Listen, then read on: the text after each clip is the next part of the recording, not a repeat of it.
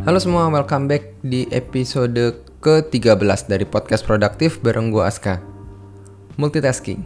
Di zaman di mana semua perubahan terjadi dengan sangat cepat, kita pun sepertinya diharuskan untuk bisa menyelesaikan semua dengan lebih cepat lagi.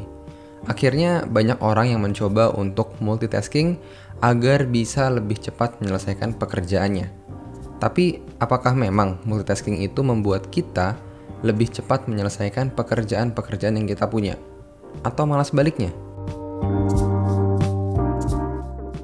Menjawab pertanyaan sebelumnya, multitasking adalah hal yang sebenarnya harus dihindari bila kita ingin produktif. Secara umum multitasking adalah buruk. Bahkan udah banyak banget penelitian yang menjelaskan hal ini.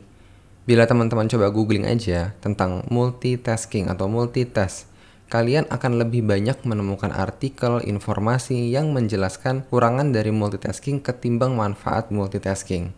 Namun masih banyak pekerjaan atau keyakinan yang menuntut kita bisa lebih produktif ketika multitask. Kalau mau coba dicek di LinkedIn saat ini, teman-teman pasti masih bisa menemukan pekerjaan yang salah satu requirement-nya adalah ability to multitask. Nah, kalau memang multitasking ini buruk, mengapa sih masih banyak pekerjaan yang menuntut kita untuk bisa multitask?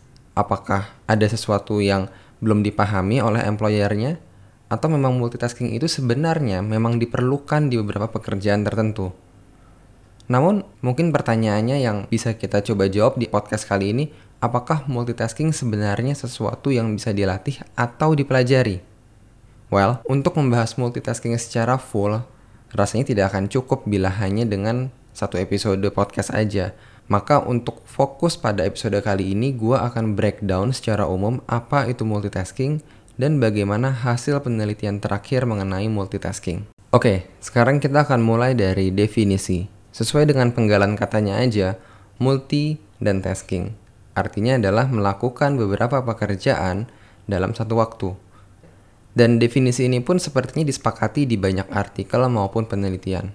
Menariknya, multitasking ini pertama kali dikenalkan ke publik secara umum itu bukan di jurnal psikologi, melainkan di sebuah publikasi dari IBM mengenai operating system mereka. Yap, ironis memang. Perkembangan teknologi yang diharapkan bisa membantu manusia untuk melakukan pekerjaannya dengan lebih efisien, justru entah mengapa malah membuat manusia bekerja lebih banyak. Pada saat gue melakukan research untuk episode kali ini pun, sulit mencari referensi bagaimana aplikasi multitasking sebelum komputer diciptakan. Ya, kalau dilihat dari zaman sebelum revolusi industri, mungkin pekerjaan manusia memang lebih simpel ya, karena tidak banyak distraction dan satu orang mungkin lebih fokus ke pekerjaan yang mereka lakukan. Nah, gue memang gak punya data lengkap, tapi kompleks multitasking sepertinya baru banyak dibahas di era modern, lebih tepatnya setelah adanya internet. Kalau dipikir-pikir, dengan adanya internet, memang internet itu memfasilitasi orang untuk dalam tanda kutip bisa multitasking. Oke, sekarang gue mau bahas dampak multitasking ke otak kita. Pertanyaannya kayak gini, apakah sebenarnya otak manusia mampu untuk multitasking? Jawaban singkatnya tidak. Otak manusia memang luar biasa, namun tidak didesain untuk bisa fokus pada beberapa hal sekaligus dalam jangka waktu lama dan konsisten otak kita sebenarnya memiliki kapasitas maksimal untuk secara aktif memproses informasi. Kata kuncinya secara aktif ya. Nah, yang sebenarnya terjadi ketika seseorang melakukan multitasking adalah task switching. Artinya, otak kita secara cepat berpindah dari satu pekerjaan ke pekerjaan lainnya atau dari satu fokus ke fokus lainnya. Misalnya, untuk contoh aja, kita lagi mengetik email kemudian ada telepon masuk. Kita punya dua opsi. Yang pertama, fokus dulu pada teleponnya, baru kemudian menyelesaikan email yang kita tulis sebelumnya, atau yang kedua, sambil menerima telepon, kita juga mencoba menyelesaikan email yang kita tulis. Bila kita memilih untuk opsi kedua alias multitasking, maka akan timbul yang disebut switching cost. Switching cost ini adalah proses di otak kita saat kita memfokuskan ulang otak kita dari satu pekerjaan ke pekerjaan lainnya. Menurut American Psychology Association, proses ini sebenarnya hanya memakan waktu 0,1 detik. Terdengar tidak signifikan ya? Oke, di luar switching cost barusan ada pula implikasi lain yaitu waktu untuk bisa fokus sepenuhnya pada satu pekerjaan. Jadi maksud gue gini, salah satu studi oleh Microsoft menjelaskan bahwa perlu 15 menit full untuk bisa seseorang itu benar-benar fokus ke pekerjaan yang mereka lakukan.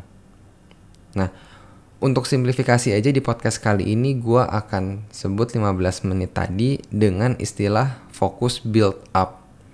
Jadi fokus build up ini seperti akselerasi kendaraan. Bayangin aja proses otak kita itu untuk fokus saat multitask seperti mobil yang berada di sirkuit balap dan banyak belokan. Kalau kita bayangin kita nyetir mobil, pada saat kita harus berbelok, maka kita harus rem dulu, kita belok, kemudian kita mulai lagi dari kecepatan yang lebih rendah. Artinya ada akselerasi yang hilang.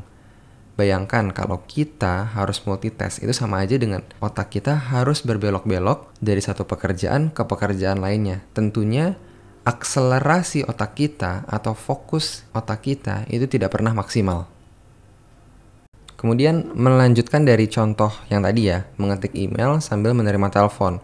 Bila kita multitasking, maka yang akan terjadi adalah kita membaca email, switching cost karena kita mengangkat telepon, kita mendengar lawan bicara, merespon lawan bicara, kemudian kita switching cost membaca ulang email, mengetik email seadanya, switching cost mendengar lawan bicara kita, switching cost membaca email kita, switching cost menjawab lawan bicara kita, dan seterusnya.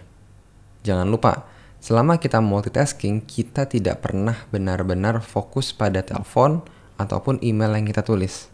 So, apa yang biasanya terjadi? Pertama, kita akan membaca ulang lagi apa yang kita tulis. Ini artinya rework untuk memastikan apakah yang kita tulis tadi selama kita menerima telepon itu sudah benar dan tidak ada kesalahan. Jadi kita kerja dua kali nih. Setelah itu, bila pembicaraan di telepon tadi kompleks, biasanya kita akan telepon ulang, kita akan reconfirm lagi dengan lawan bicara kita. Mengapa? Karena kita tidak fokus pada saat kita menerima telepon pertama kali. Bayangin kalau misalnya kita dari awal udah fokus pada salah satu pekerjaan. Oh iya, jangan lupa ya, akan ada resiko kita melakukan kesalahan lebih besar ketika multitask.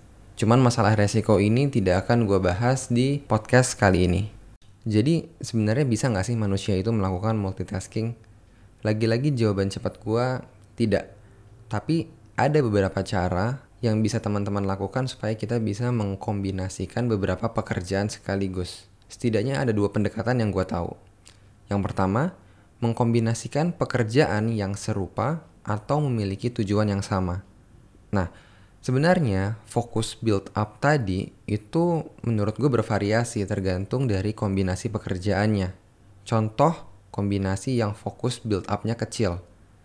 Kalau kita mendengar seminar atau kita mengikuti rapat, kita lakukan itu sambil mencatat serta merangkum materi yang dibahas relatif fokus build upnya kecil.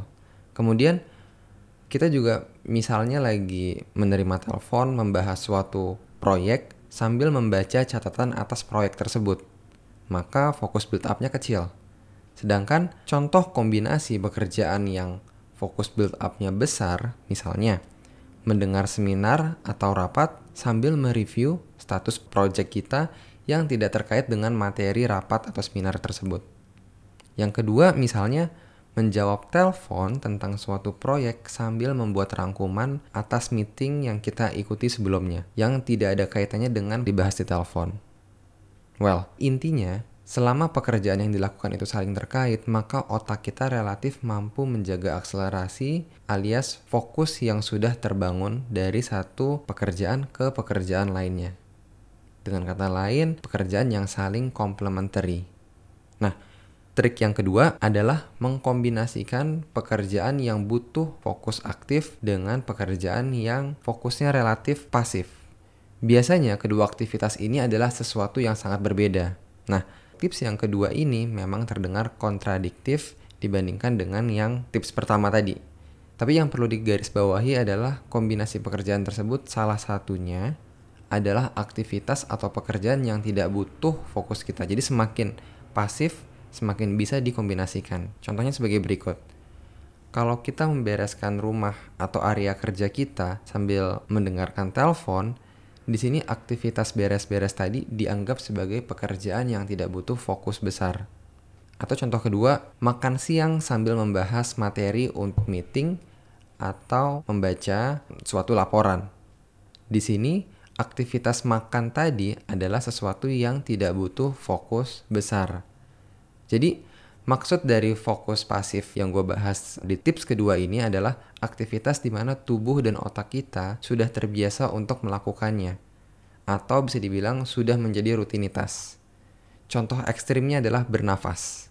Namun contoh yang lebih realistis seperti yang tadi, berjalan atau perjalanan ke kantor, olahraga, dan makan misalnya.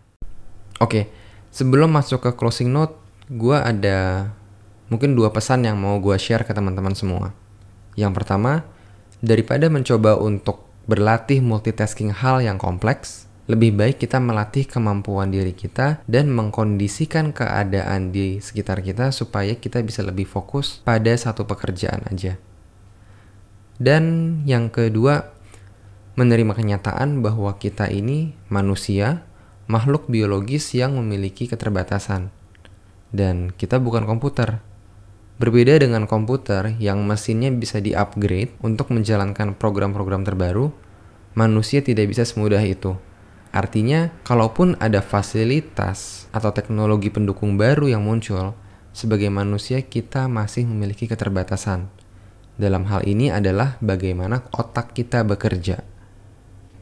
Bukan berarti gua di sini menganggap otak manusia itu atau otak kita semua lemah.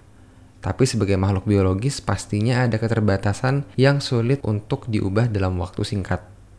Contohnya, seberusaha apa pun kita manusia berlatih untuk berlari cepat, tidak mungkin kita bisa mengalahkan citah. Apakah kita bisa mengubah struktur biologis di diri kita? Mungkin bisa. Tapi rasanya bakal butuh evolusi puluhan, ratusan, atau bahkan ribuan tahun.